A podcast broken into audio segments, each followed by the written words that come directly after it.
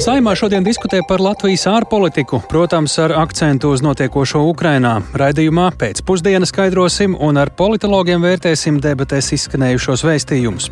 Kultūras ministrija izpētījusi, cik bieži un kādus kultūras pasākumus cilvēki apmeklē un vai dodas baudīt kultūru arī citos reģionos. Šogad eh, es sanācu vairāk nekā citus gadus. Eh, es sāku apmeklēt klubus, un es, piemēram, biju pāri koncertu pagājušajā nedēļā piekdienā Alo. Nē, neapmeklēju, strādāju. Rekur kolēģi apmeklē. Kolēģi? Jā, es apmeklēju gan koncertus, gan uh, teātris izrādes. Vēl skaidrosim, par ko Startautiskā olimpiskā komiteja Norvēģu presē izpelnījusies apzīmējumu Kremlim izpalīdzīgie idioti. Par to visu jau pavisam drīz ziņu raidījumā pēcpusdienā kopā ar mani Tāli Eipuru. Ir 16,5 minūtes, skan pusdi, pēcpusdienas ziņu programma, skaidrojot šodienas svarīgos notikumus. Studijā tālāk Seipurs. Saimā šodien ikgadējās ārpolitikas debatas. Tajās ārlietu ministrs Edgars Rinkevičs iepazīstināja ar aktuālajiem reģionālās un globālās dienas kārtības jautājumiem un Latvijas nostāju tajos. Šogad uzmanības centrā, protams, Krievijas nepamatoti sāktais karš Ukrainā, palīdzība Ukrainai, Krievijas saukšana pie atbildības. Ārpolitikas debatēm līdzi sekoja arī mūsu kolēģis Uģis Lībietis, un kā jau minējām, uzmanības centrā, protams, ir karš Ukrainā un veidi, kā šo karu izbeigt kā Krievija saukt pie atbildības. Oģi, kādu iespēju tev šīs debats atstāja? Jā, sveiki, tālu sveicināt klausītāji. Nu, pirmkārt, es domāju, ka nevienam nebija šaubu par to, ka karš Ukrainā tiešām būs šī gada ārpolitikas debašu uzmanības centrā.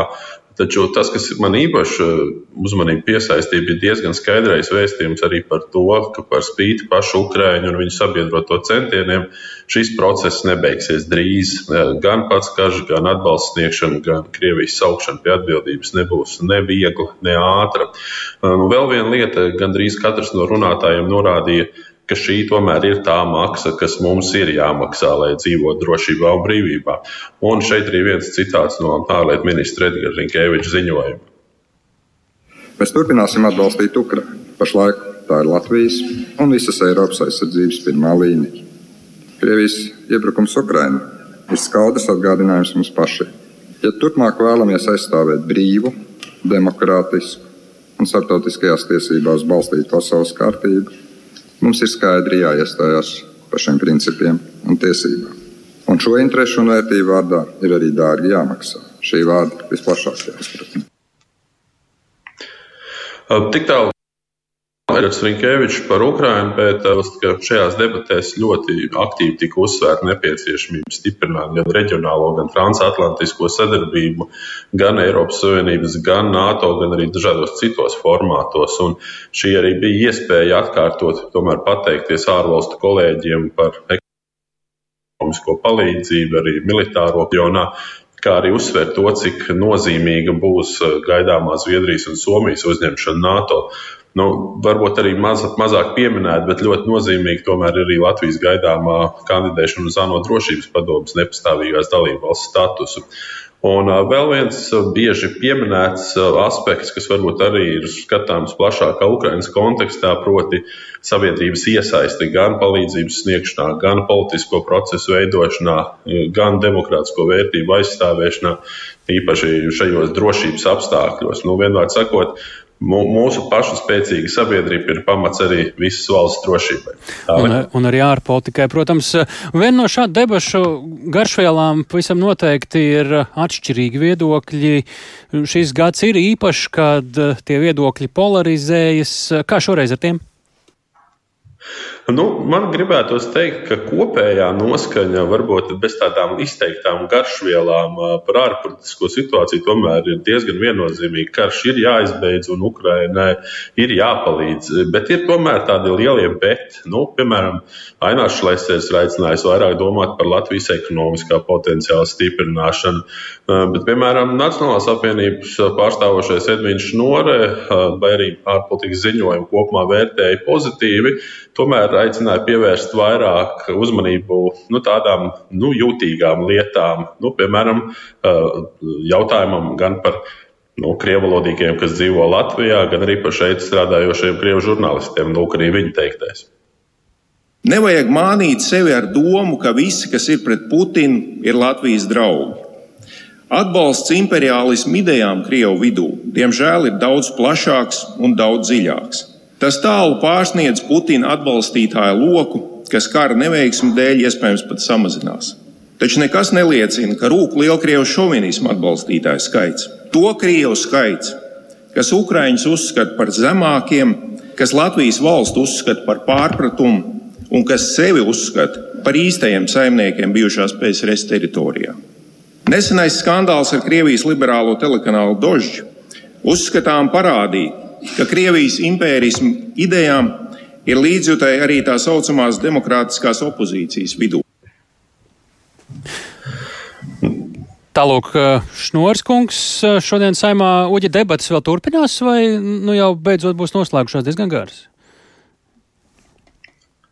Diezgan garas, un atklāti sakot, es pēdējo pusstundu tiešām neesmu bijis pie, pie, pie sakariem. Jā, ir arī citi precīzi. darbi, protams. Jā. Lielas paldies Uģim Lībietim. Ikgadējām saimnes ārpolitikas debatēm šodien līdzi sekojuši arī eksperti, citu starpā kopā ar diplomātiem, amatpersonām, un sakām labdien politologam Kārlim Daugštam. Jā, sveicināti. Nu, par šo debašu nozīmi, kā jūs teiktu klausītājiem, kam īsti šīs debatas ir svarīgas, vajadzīgas, jo, nu, ja tā neiedziļinās tajās niansēs un mājienos, viņas var izklausīties arī pēc dažādu viedokļu straumes vienkārši, bet ir cilvēki, kas tajās piedalās ļoti apzināti un kas tajās arī klausās ļoti rūpīgi. Es domāju, ka šīm debatēm noteikti ir būtiska, diezgan būtiska nozīme gan ārpus mūsu valsts teritorijas uz, tā, uz to skatās kā ļoti nopietniem daudziem signāliem. Es gribētu teikt, ka Rinkēviča runā viens no pēdējiem secinājumiem bija tāds, ka Krievija ir sagrāvusi Eiropas drošības arhitektūru. Un pat labāk es domāju, ka arī šis ziņojums meklē kaut kādus arī citādākas arhitektūras meklējumi. Un te es saskatu iespēju, ka vajadzēja runāt, un varbūt arī bija runa, taču netik spēcīgi par jaunas arhitektūras veidošanu, kur daudz noteicošāka loma būtu austrumu flanga valstīm, Tas ir Somijai, Zviedrijai, eh, Baltijas valstīm, Polijai, eh, tā saucamam Ljubljanas trīstūrim, un līdz ar to veidojot tādu kā, eh, teiksim, daudz stabilāku pozīciju Eiropas iekšienē, kur vecās valstis vēl tomēr nav tik, tā sakot, satrauktas par Krievijas agresīvo politiku. Tas uh, no Rinkēviča kunga sacītā, kādi citi vērojumi, uh, kas būtu uh, ievērības cienīgi, ko jūs šodien saklausījāt un kāpēc? Es domāju, ka pati, pati noskaņa šīs, šo debašu laikā liecina par to, ka ir nepieciešama tāda reālāka konstatācija par nākotnes redzējumu Eiropas drošības kontekstā. Ne tikai konstatējums, ka mums mēs aizstāvam Ukrainu kā NATO gandrīz vienu no locekļiem ar viņas pat laban ļoti spēcīgo ieguldījumu anti, eh, teiksim, krieviskajā cīņā, bet gan arī par to, lai nākotnē tomēr kaut kādā veidā veidotu drošības konstrukciju, kas nodrošinātu ilgāku mieru arī Baltijas valstīm. Ir skaidrs, ka drošības konstrukciju pamati šobrīd tiek vētīti. Lielas paldies Kārlim Daugštam, politologam, Latvijas ārpolitikas institūta pētnieks Mārtiņš Vārgulis pie mūsu klausulas sveicināt. Sveiki! Nu, kādus pāris svarīgākos vēstījumus, vai izteikumus, vai nianses, vai kā noskaņojumu, kā Daugstkungs sacīja, jūs saklausījāt un ieteiktu paturēt prātā klausītājiem no šodien izskanējušā saimnes ārpolitikas debatēs. Nu jā, klausoties ārpolitikas debatas šogad jāatzīst, ka pretēji citiem gadiem tās kopējais noskaņojums ir bijis vairāk vai mazāk vienots.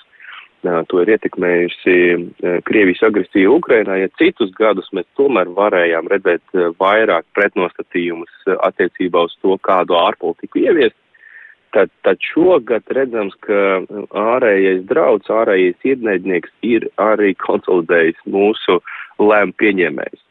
Um, piekrītu uzstādījumam, ko vairāk, um, vairāki deputāti arī, arī norādīja, proti, ka 22. gads ir bijis pagrieziena punkts, drošības arhitektūras um, sabrukums, jā, um, un, un aicinājumu domāt par to, kāda uh, jā, būs tā drošības arhitektūra pēc tam, kad mm -hmm. uh, agresija beigsies vai tad, kad Ukraina uh, triumfēs šajā, šajā karā. Un tāda pozitīva noskaņojuma attiecībā uz to, ka tas notiks, tas arī bija klātesošs jāatzīst. Jā. Tas, tas būtu īpaši jāceļ no, kas izskanēja no vairākiem deputātiem par to, ka mums ir pārliecība, Tā, sakaru pārāvums, bet es domāju, mēs galveno arī. Tā, mums nedaudz pārtrauka sakari, bet eh, mēs ejam tālāk raidījumā un sakām paldies Latvijas ārpolitikas institūta pētniekam Mārtiņam Vārgulim. Nu, kamēr Latvijā apkopojam aktuālāko mūsu valsts ārpolitikā, Krievija turpina savu agresiju Ukrainā. Ukrainas armija Ceturtdienas rītā ir notriekusi 47 Krievijas pārnotās raķetes, no tām 20 galvaspilsētas rajonā. Tā ziņa Ukrainas bruņotie spēki dažāda veida raķetes uz Ukrainu lidojuši gan no kuģiem Melnajā jūrā, gan no lidmašīnām mērķi joprojām bijuši saistīti ar kritisko infrastruktūru. Šodien Kijivā, diemžēl no raķešu atlūzām gājis bojā 55 gadus vecs vīrietis, vēl divi cilvēki ievainoti. Kijivā un Odesā trāpīts energoinfrastruktūras objektiem, trāpījums arī Vinicas apgabalā. Gaisa trauksme Ukrainā bija spēkā aptuveni 4 stundas, un naktī Ukraina ir notriekusi 24 Krievijas palaistos kamikādas dronus. Esam sazinājušies ar Kīvā esošo kolēģi Indru Sprānci. Indra, kā sākās tava un citu Kīvā dzīvojošo dienu? Jā, labdien! Rīts sākās patiešām ļoti agri. Gaisa trauksme bija naktī, kā jau minēju. Tā sākās īsi pēc pusnakts un ilga vairākas stundas, līdz īsi pirms četriem, četriem rītā tā tika atsaukts. Un, Pēc tam atkal pirms astoņiem rītā sākās jau nākošā gaisa trauksme ar reāliem uzbrukumiem arī, un viens no tiem arī notika kaut kur manā netā, netālā apkaimē, Kīvas centrālajā daļā, un es to brīdi atrados uz ielas un bija dzirdams patiešām ļoti, ļoti spētī, spēcīgs blīkšķis. Tās nav tās patīkamākās sajūtas, bet nu, dūmi apkārt nebija redzama, un no kā es secinu, ka neskatoties uz troksni, tas tomēr bija patāli. Nu, vēlāk es devos uz metro staciju, ko šeit uh, iedzīvotāji izmanto kā bumbu patvērtni. Tur arī bija patiešām ļoti daudz cilvēku. Daudz bija atnākuši ar saviem krēsliņiem, paklājiņiem, daži ar saviem aidzīniekiem, un nu, daudz sagatavojušies, lai varētu pavadīt patiešām ilgākas stundas. Un patiešām arī bija ilgi jāsēž šī gaisa trauksme, tika atsaukt īsi pēc pulksten 12. dienā, tātad vairāk nekā 4 stundas. Un paklausīsimies varbūt vienu fragmentiņu no sarunas ar kundzi. Viņi ir no tiem ļoti apzinīgajiem iedzīvotājiem, kas patiešām klausa un ievēro visus amatpersonu aicinājumus un ja ir jāiet uz patvērsni, tad viņi vienmēr arī dodas uz turieni. Kad notiek bombardēšana, ir ļoti grūti. Mēs daudz lūdzamies, lūdzam Dievu. Mums Kīvā ir daudz svētvietu. Lūdzamies, lai palīdz mūsu karavīriem, iedzīvotājiem, bērniem, visai Ukrainai.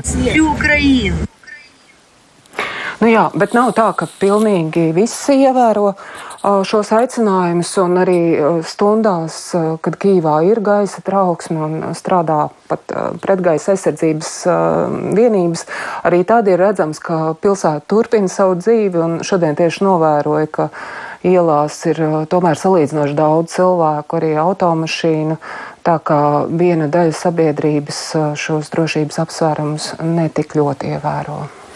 Pusdienlaikā Indra stāstīja, ka kādu laiku raķešu triecienu intensitāte Ukrainā līdz šim rītam bija nedaudz pierimusi. Daudzi to dzirdot, protams, uzreiz cer un spriež, ka Krievijai e, šādiem triecieniem resursu varētu būt arvien mazāk. Vai var teikt, ka ir novērojams kādas izmaiņas šajā triecienu intensitātē un veidā, kāda ir tādi novērojumi, ko, par kuriem apkārt dzird runājam?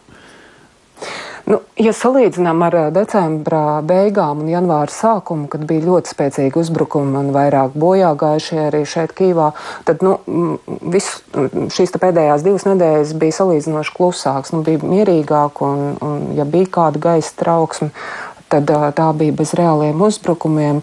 Um, taču vakardien un, un, un šonakt patiešām bija vairākas gaisa trauksmes viena pēc otras, kas ir neierasti. Jo parasti bija tā, ka, nu, jā, nu, ir tā trauksme, viņam vairākas stundas, tad izšautās visas raķetes, un, un tad viss nu, kaut kādu laiciņu ir miers. Un, un tas bija tā neierasti, ka ir viena pēc otras, un, un tad trešā, un mm -hmm. ceturtā, un tad piektā.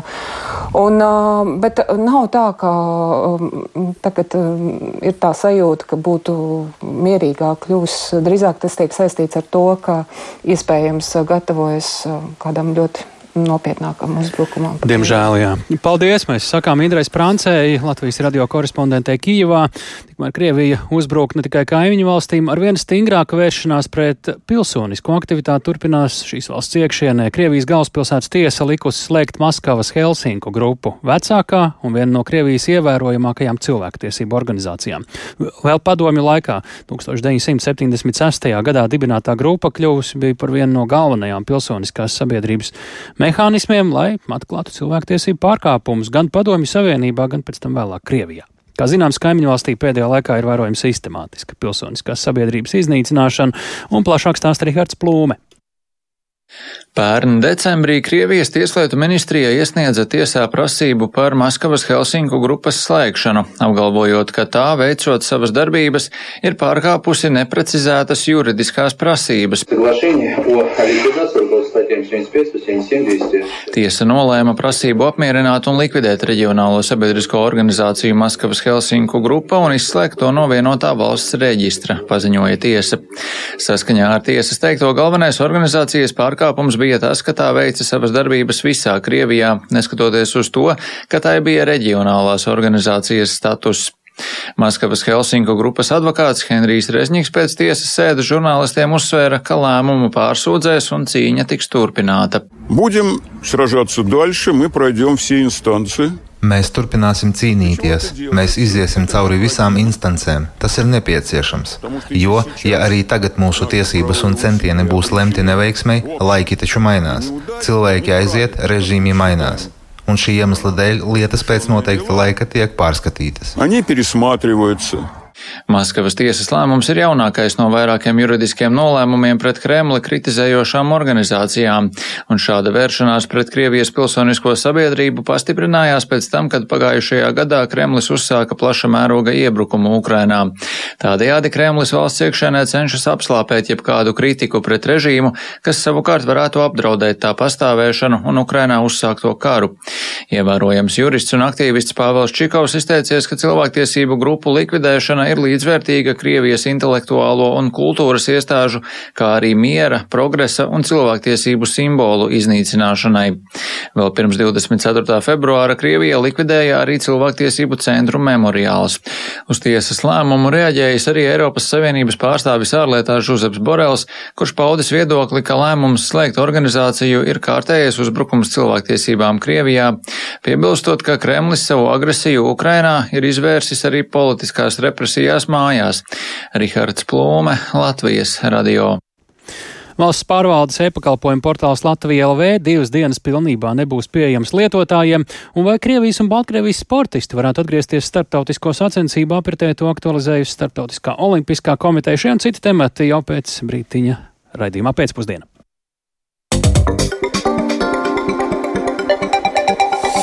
Valdība apstiprinājusi jaunu kārtību, kā turpmāk skolēni ar veselības problēmām varēs saņemt atbrīvojumu no pamatskolas un vidusskolas eksāmeniem. No valsts pārbaudījumiem skolēnu vairs nevarēs atsvabināt vien ar ģimenes ārsta zīmi, bet gan tikai ar ārsta speciālista vai ārstu konsīlija atzinumu. Ar šādām pārmaiņām Izglītības un zinātnes ministrija cer mazināt ģimenes ārstu lielo slodzi. Vai tas patiešām būs vērtīgs ieguvums mediķiem un pašiem skolēniem, to devās noskaidrot Ieva Puķa. Ļoti daudz bērni vienkārši pārstāja runāt. Vienkārši nerunā, un mēs nesaprotam, kāpēc mums ir 7, 8 klasē bērni, kas atsakās komunicēt, kas netiek galā ar to covid visu to, kas ir bijis. Jā. To stāsta vidusskolas speciālā pedagoģe, kas palīdz skolēniem ar mācīšanās traucējumiem, un arī tiem, kam vajag atbalstu 9. un 12. klases gala pārbaudījumos citu veselības problēmu dēļ.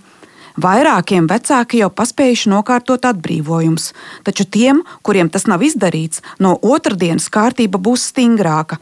Vairs nepietiks ar ģimenes ārsta zīmi, vajadzēs ārsta speciālista vai ārstu koncīlī lēmumu. Valsts izglītības satura centra vispārējās izglītības pārbaudījuma nodaļas vadītājs Kaspars Špūle skaidro, ideja pastiprināt arī prasības par eksāmenu atbrīvojumiem, pieprasot ārsta speciālista vai koncīlija atzinumu, radusies pēc tam, kad kāds no vecākiem sniedzis informāciju par skolu, kuru vairāk nekā puse skolēnu pagājušajā pavasarī saņēmuši atbrīvojumu no eksāmeniem. Te radās jautājums, vai tiešām visi skolēni jāatbild no valsts pārbaudas darbiem. Veselības inspekcija skatīja visus šos jautājumus un tiešām secināja, ka ģimenes ārsti izsniedz šos atbrīvojumus no valsts pārbaudas darbiem, ja, un tas ir ļoti liels sloks ģimenes ārstiem. Attiecīgi, ka viņiem tik un tā tie cilvēki skolēni jāsūta vēl pie citiem ārstiem, medicīnas aprūpē, vienkārši esam noslogojuši ar valsts pārbaudījumiem. Līdzīga situācija novērota arī citās skolās, kurās tieši špūle atsakās precizēt. Tomēr atzīst, pārbaude atklājusi, lielākā daļa skolēnu, kuriem ir nepieciešams atbrīvojums, patiešām jau ilgstoši bijuši ārstu uzraudzībā. Vai saņemot šādu prasību otrajā mācību pusgadā, skolēni no reģioniem paspēs aizbraukt pie speciālistiem, ja citu iemeslu dēļ konsultācija nebija paredzēta? Ierēdnis atbild, informācija par izmaiņām normatīvajos aktos skolām sniegta jau mācību gada sākumā. Vēl līdz 24. janvārim, kad jaunie ministru kabineta noteikumi stājas spēkā, daudzi paspējuši iegūt ģimenes ārsta atbrīvojumus, kas vēl šogad būs derīgi. Latvijas ģimenes ārstu asociācijas vadītājs Armīta Veide tomēr ceļ trauksmi. Jaunie normatīvo aktu grozījumi ar ģimenes ārstiem nemaz nav saskaņoti. Tā būs milzīga slodze pacientiem un arī speciālistiem. Līdz šim bija tā, ka ja tas veselības stāvoklis pacientam bija nemainīgs, nosūtījām pie speciālista pēc nu, nepieciešamības, bet šobrīd Iznāk tā, vispirms viņam nepieciešams ir no ģimenes ārsta paņemt norīkojumu un tad stāties rindā. Un rindas, kā mēs zinām, pie speciālista ir divi, trīs pat mēneši un vēl ilgāk. Lai saņemtu atbrīvojumus no eksāmeniem, pacientiem var nākties izmantot maksas pakalpojumus, bažas pauž ārste. Braucot no reģioniem, jārēķina laiks un transporta izmaksas. Turklāt viņi atņems vietu citiem pacientiem, kuriem ir steidzami nepieciešama izmeklējuma un ārstēšana. E-veselības darbības traucējumu dēļ nosūtījumu attālinātu iesniegšanu speciālistam galvaspilsētā ģimenes ārsti garantēt nevarot, bet speciālistu galaslēdzienus savukārt nevarot elektroniski nosūtīt skolu e-sistēmām. Arī ar pacientu atbalsta biedrībām noteikumu pastiprināšana nav diskutēta, stāsta Latvijas autisma apvienības vadītāja Līga Bērziņa. Un arī līdz šim tiem bērniem, kuriem tika dots atbrīvojums no eksāmeniem, es nedomāju, ka Latvijā ir daudz ģimenes ārsti, kas uzdrošinātos dot viņus vienpersonis. Parasti tur tomēr ir arī citu speciālistu atzinumi. Vienkārši mēs riskējam atkal nevis sakārtot problēmu pēc būtības, bet radīt vēl vienu nu, birokrātisku institūciju. Izglītības satura centra speciālists Kaspars Špūle tikmēr aicina izsvērt, vai atsacīšanās no valsts pārbaudas darbiem nāks par labu bērna tālāk izglītībai. Ir iespējams kārtot arī tikai tos eksāmenus, kurus pieprasa nākamā izglītības iestāde. Ieva Puķa, Latvijas radio. Arī citās jomās meklē veidus, kā strādāt efektīvāk kurzemē. Būs mazāk policijas iecirkņu, bet likumsargi iedzīvotājiem vienlaiks būšot plašāk pieejami. No februāra valsts policijas kurzemes reģiona pārvaldē iedzīvotāji ierasto piecu iecirkņu vietā būs divi - Ziemeļkurzemes un Dienvidkurzemes. Tas ir turpinājums policijas iesāktajām pārmaiņām, kas jau no pagājušā gada beigām notikušas visā Latvijā. Reformas ilgs līdz vasaras vidum. Policijas priekšnieks skaidro, ka tas nenozīmē, ka iedzīvotājiem likumsargi būs pieejami mazāk tieši otrādi. Vairāk par pārmaiņām policijā Lindas Spundiņas ierakstā. No nākamās nedēļas kurzemē būs divi policijas iecirkņi. Ziemeļkurzemes iecirknī ietilps Ventspils, Tālsa, Kuldīga, bet Dienvidkurzemes iecirkni veidos Saldus un Liepājas apvienotie iecirkņi. Valsts policijas priekšnieks Armans Ruks skaidro, ka pārmaiņas skar pārvaldes darba organizāciju, nemazinot ne policistu skaitu, ne policijas struktūra vienību atrašanās vietas. mainās vienkārši policijas vadīšanas pieeja, tātad samazinot vadītāju skaitu. Ja agrāk mums kurzemē bija pieci iecirkņi un attiecīgi katrā iecirknī bija piecas šīs te operatīvās reaģēšanas grupas, tad eh, šobrīd ir jau Ziemeļu kurzemes eh, iecirknī seši šādi norīkojumi, un uh, Dienvidu kurzemes iecirknī septiņi, tātad piecu vietā 13. Šobrīd kurzemē ir aptuveni 500 policistu, taču pēc pārmaiņām joprojām būs kadru trūkums. Nepieciešama vēl vismaz 80 policisti. Pārmaiņas piedzīvos ne tikai kurzeme, tās notiks visā valstī. No novembra vidzemes reģiona pārvaldē iepriekš septiņu iecirkņu vietā tagad ir trīs iecirkņi. Līdz šim zemgales reģiona pārvaldes paspārnē atradās seši iecirkņi, bet no decembra ir trīs. Priekšā vēl pārmaiņas Latgalē, atklāja Ruks.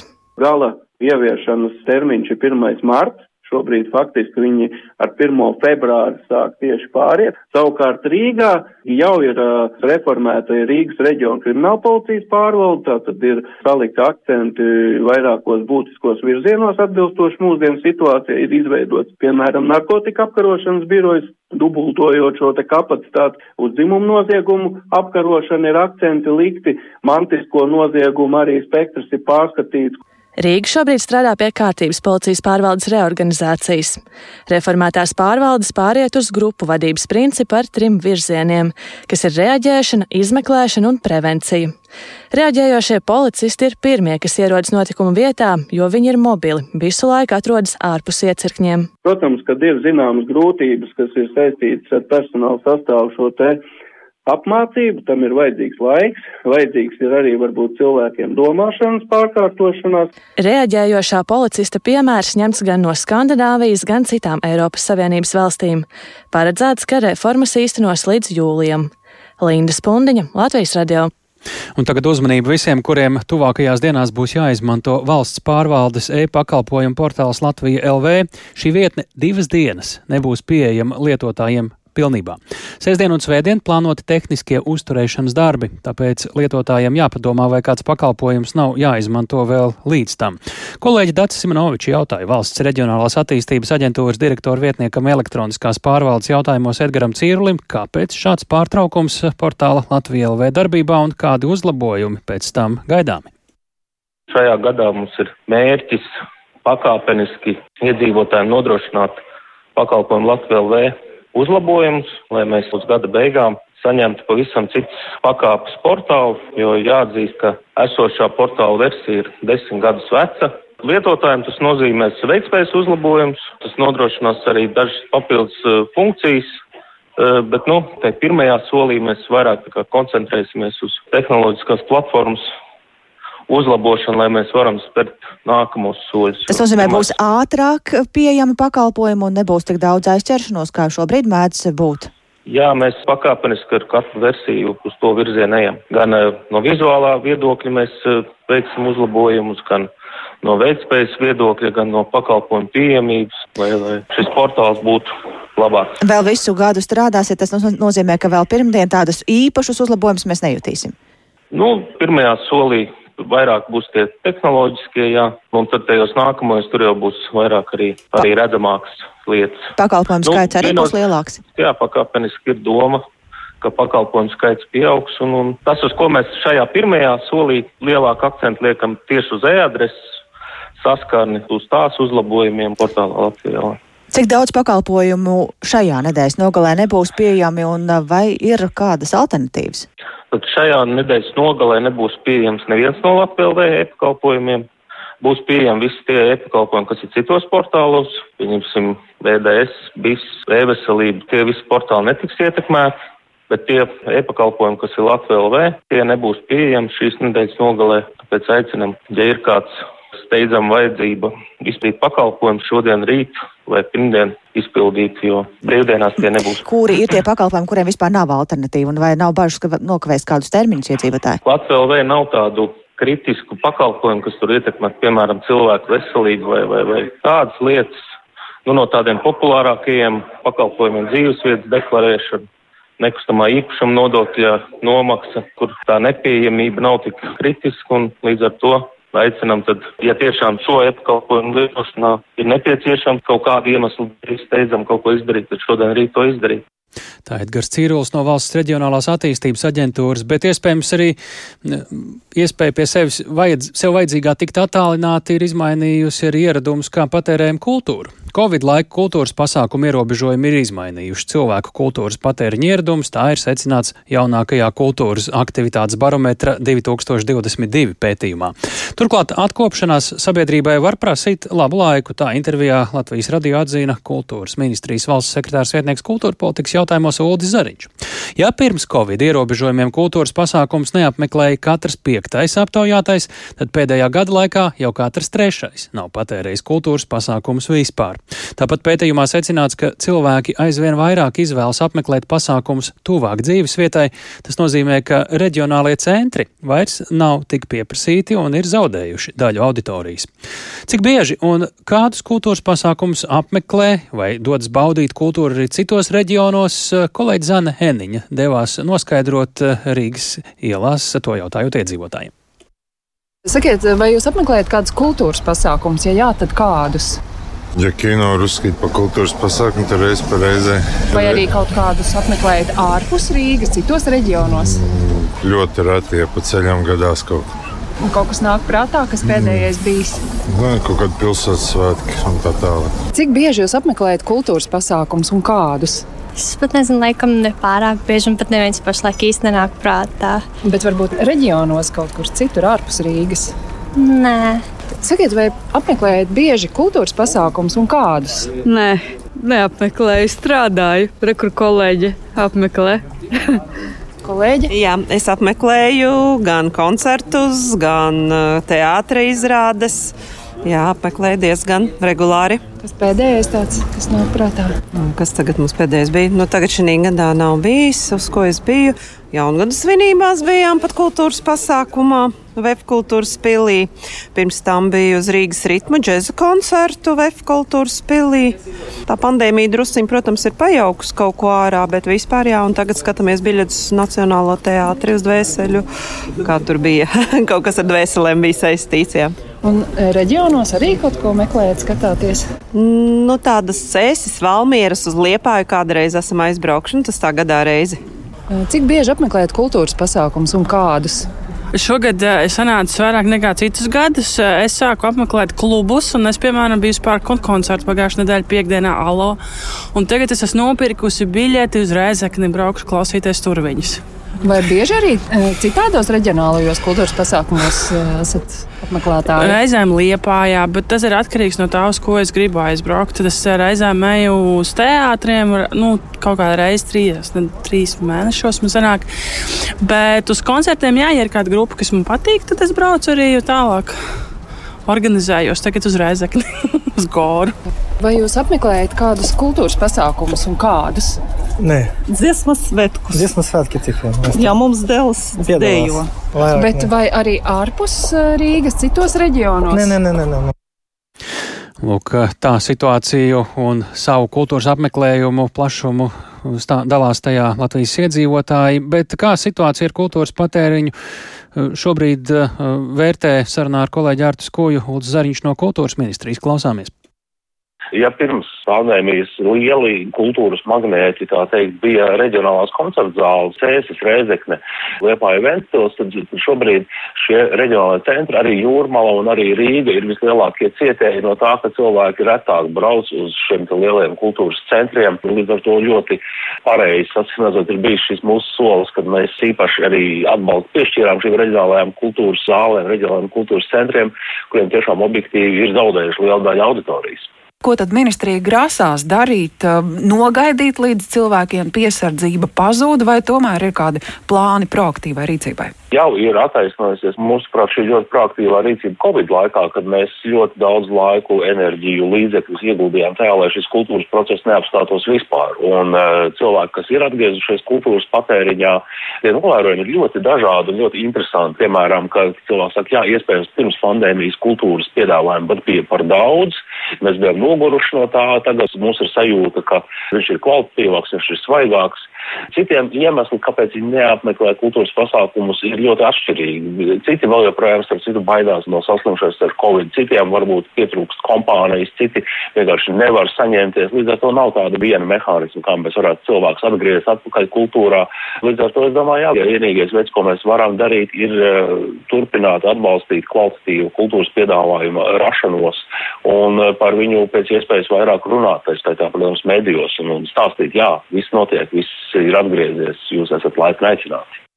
Tā kultūras ministrijas valsts sekretārs vietnieks kultūra politikas jautājumos Ulris Zariņš par kultūra patēriņu pie mums Latvijā. No kultūras pie sporta. Vai Krievijas un Baltkrievijas sportisti varētu atgriezties starptautisko sacensību apritē? To savā paziņojumā aicina pētīt Startautiskā olimpiskā komiteja. Pasaulē vadošā sporta organizācija pagājušajā nedēļā jau konsultējusies ar saviem locekļiem, tātad dalību valstīm, sportistu pārstāvjiem, starptautiskajām sporta veidu federācijām un Nacionālajām olimpiskajām komitejām piemēram, Norvēģu presē par šādu lietu virzību jau uh, šādas aktivitātes ir izpelnījušās apzīmējumu Kremļa uh, izpalīdzīgie vai noderīgie idioti. Jautāsim mūsu radio uh, sporta ekspertam Mārtiņam Kļavniekam. Mārtiņ, kāpēc vispār tieši tagad un kāpēc Soka par to runā? Uz šo jautājumu ļoti precīzi un tieši atbildes sniedza Latvijas Olimpiskās komitejas ģenerālsekretārs Kārls Lēnieks. Es ar viņu sazinājos arī pirms šīs sarunas. Viņš teica, nu, kā olimpiskā kvalifikācija ir sākusies, jāsaprot, tad, nu, vai nu tajā piedalīsies Krieva un Baltkrieva vai nepiedalīsies. Tik vienkārši. Jā, tāpat laikā atkal tas atšķirtina citu jautājumu, kā tad viņi piedalīsies kvalifikācijā un kā Olimpiskajās spēlēs. Piemēram, ja mēs runājam par Krievijas hokeja komandu, kas ir iepriekš dopinga pārkāpumu dēļ startē zem neitrāla karoga Olimpiskajās spēlēs un arī kļuva par čempioniem kvalifikācijā, kas ir nu, šis pasaules rangs, spēlēšana pasaules čempionātos, viņi tomēr bija zem sava karoga. Tad sanāk, kā kvalifikācijā zem sava karoga, tur zem neitrālā vai kā citādi būs kāds vidus hibrīd ceļš. Tad te šo skaidrību meklē. Tas viss ir joprojām ļoti neskaidrs, jā, un tāds zaļš jēls, neapviļāts vispār tā diskusija kā tāda. Bet ko Kārlis Lēnieks, Latvijas Olimpiskās komitejas ģenerālsekretārs sacīja Latvijas radio, to varam paklausīties pāragri. Otrkārt, mūsu nostāja, ko mēs esam pauduši arī pagājušajā gadā, nav mainīsies. Un šobrīd ar saviem tā kā, teiksim, tādiem domu biedriem, citām dalību valstīm nepiekrītam šādam paziņojumam. Baltijas valsts un vēl Skandināvijas valsts. Viņiem aprunājoties, protams, ir zināma neizpratne. Domāsim arī no savas puses kaut kādas atbildes reakcijas. Valsts nepiekrīt šim paziņojumam no 1. janvāra sākusies olimpiskā kvalifikācija. Tāpēc arī šāds solis. Protams, ka tur ir nauda apakšā. Tas man tā liekas būtu pārāk teikt, ka tas ir tikai tā, tas iemesls. Tad, uh, mēģinot iztolkot uh, Olimpiskās komitejas pārstāvi, uh, nepiekrīt uh, Krievijas, Baltkrievijas sportistu dalībai? Vai? Šādas diskusijas sākšanai vispār šobrīd. Ah. Jā, kā jau viņš Jā. teica, tas ir pāragri, kas arī palika aiz kadra. Kārlis Lēnieks sacīja, ka viņa prāt, tas ir viņa un arī Olimpiskās komitejas viedoklis, Parīzes Olimpiskajām spēlēm jābūt bez Krievijas un Baltkrievijas sportistiem, zem jebkāda karoga vai zem saviem karogiem, neitrāliem olimpiskajiem. Nedrīkst viņi tur būt. Bet tā pašā laikā tā diskusija ir sākta. Kas ir tas, kas jau ir secināts, ko saka valstu pārstāvji, ko varbūt jau ir secinājuši paši Startautiskās Olimpiskās komitejas pārstāvji?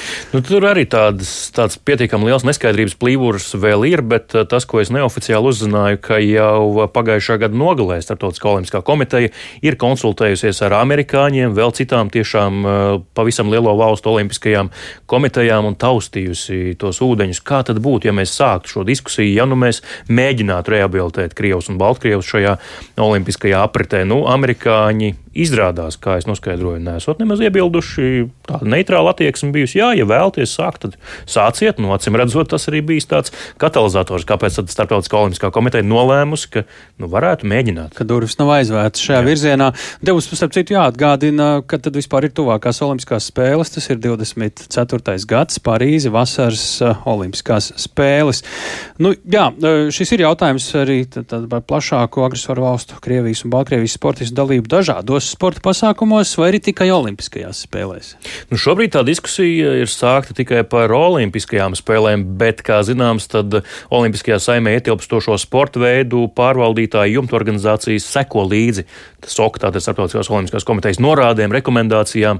Ja viņi kaut ko atļaus un spēr šādu soli, tad iespējams, ka varētu sekot arī pārējās. Tanīpat laikā, jā, nu, tur, protams, ir vēl daudz, daudz nezināmo un pelēko zonu, un nu, tur vēl viss kaut kas var gadīties. Un, piemēram, viena no tādām, ko es varu ātri ieskicēt, tad nu, gal galā pēc jaunākās likumdošanas, kas pieņemta pagājušā gada pavasarī, par to, ka nedrīkst latvieši startēt dažādos pasākumos Krievijā vai Krievijas rīkotos pasākumos. Baltkrievijas, jā. jā, un tāpat var arī valsts liekt startēt Latvijas delegācijai sacensībās, kurās startē Krievijas un Baltkrievijas sportisti. Tā kā tas var arī notikt, ja gal galā Parīzē atļauj to darīt Krieviem un Baltkrieviem piedalīties, tad Latvijas valsts izglītības un zinātnes ministrija var pateikt, nē, jūs nebrauksiet. Un nav šaubu, ko pateiks Ukrainas ministrijas par savu. Viennozīmīgi, jā, un tie jau ir sagrauti sportistu sapņi arī Latvijā un viss kaut kas vēl tam līdzi sekojošs. Jā, nu, un vēl pavisam īsi dažos vārdos, nu, tur jau ir arī Krievijas sportisti no Krievijas, kuri neatbalsta Krievijas un Baltkrievijas agresiju, kur to ir pauduši, ir sportisti, kuri neko nav pauduši, ir kuri ir atbalstījuši, un tur ir atšķirība. Jā, nu, es domāju, ka šajā laikā neitrāla pozīcija ir pozīcija par, tāpēc uh, es domāju, ka jā, jāpauž skaidri un gaiši, uh, kurā pusē viņi ir. Bet atkal, jau, atkal tas sarežģīja vēl vairāk pēc tam arī situāciju. Kā tad tu sapratīsi, viņš ir pret vai par? Mm. Kaut kas viņam būs jāparaksta dokumentāls jā. vai citādi. Jā. Paldies Mārtiņam Kļaviniekam, tik tālu par šo tēmatu, un tik tālu arī raidījums pēcpusdienu. To veidoja Tāls Eipūrs, Ilza Aginta, arī Lūdzu Grimbergs, Rīta Kārnača. Nu, protams, klausieties šo raidījumu arī ne tikai tiešraidē, lietojot Latvijas radio mobilo lietotni.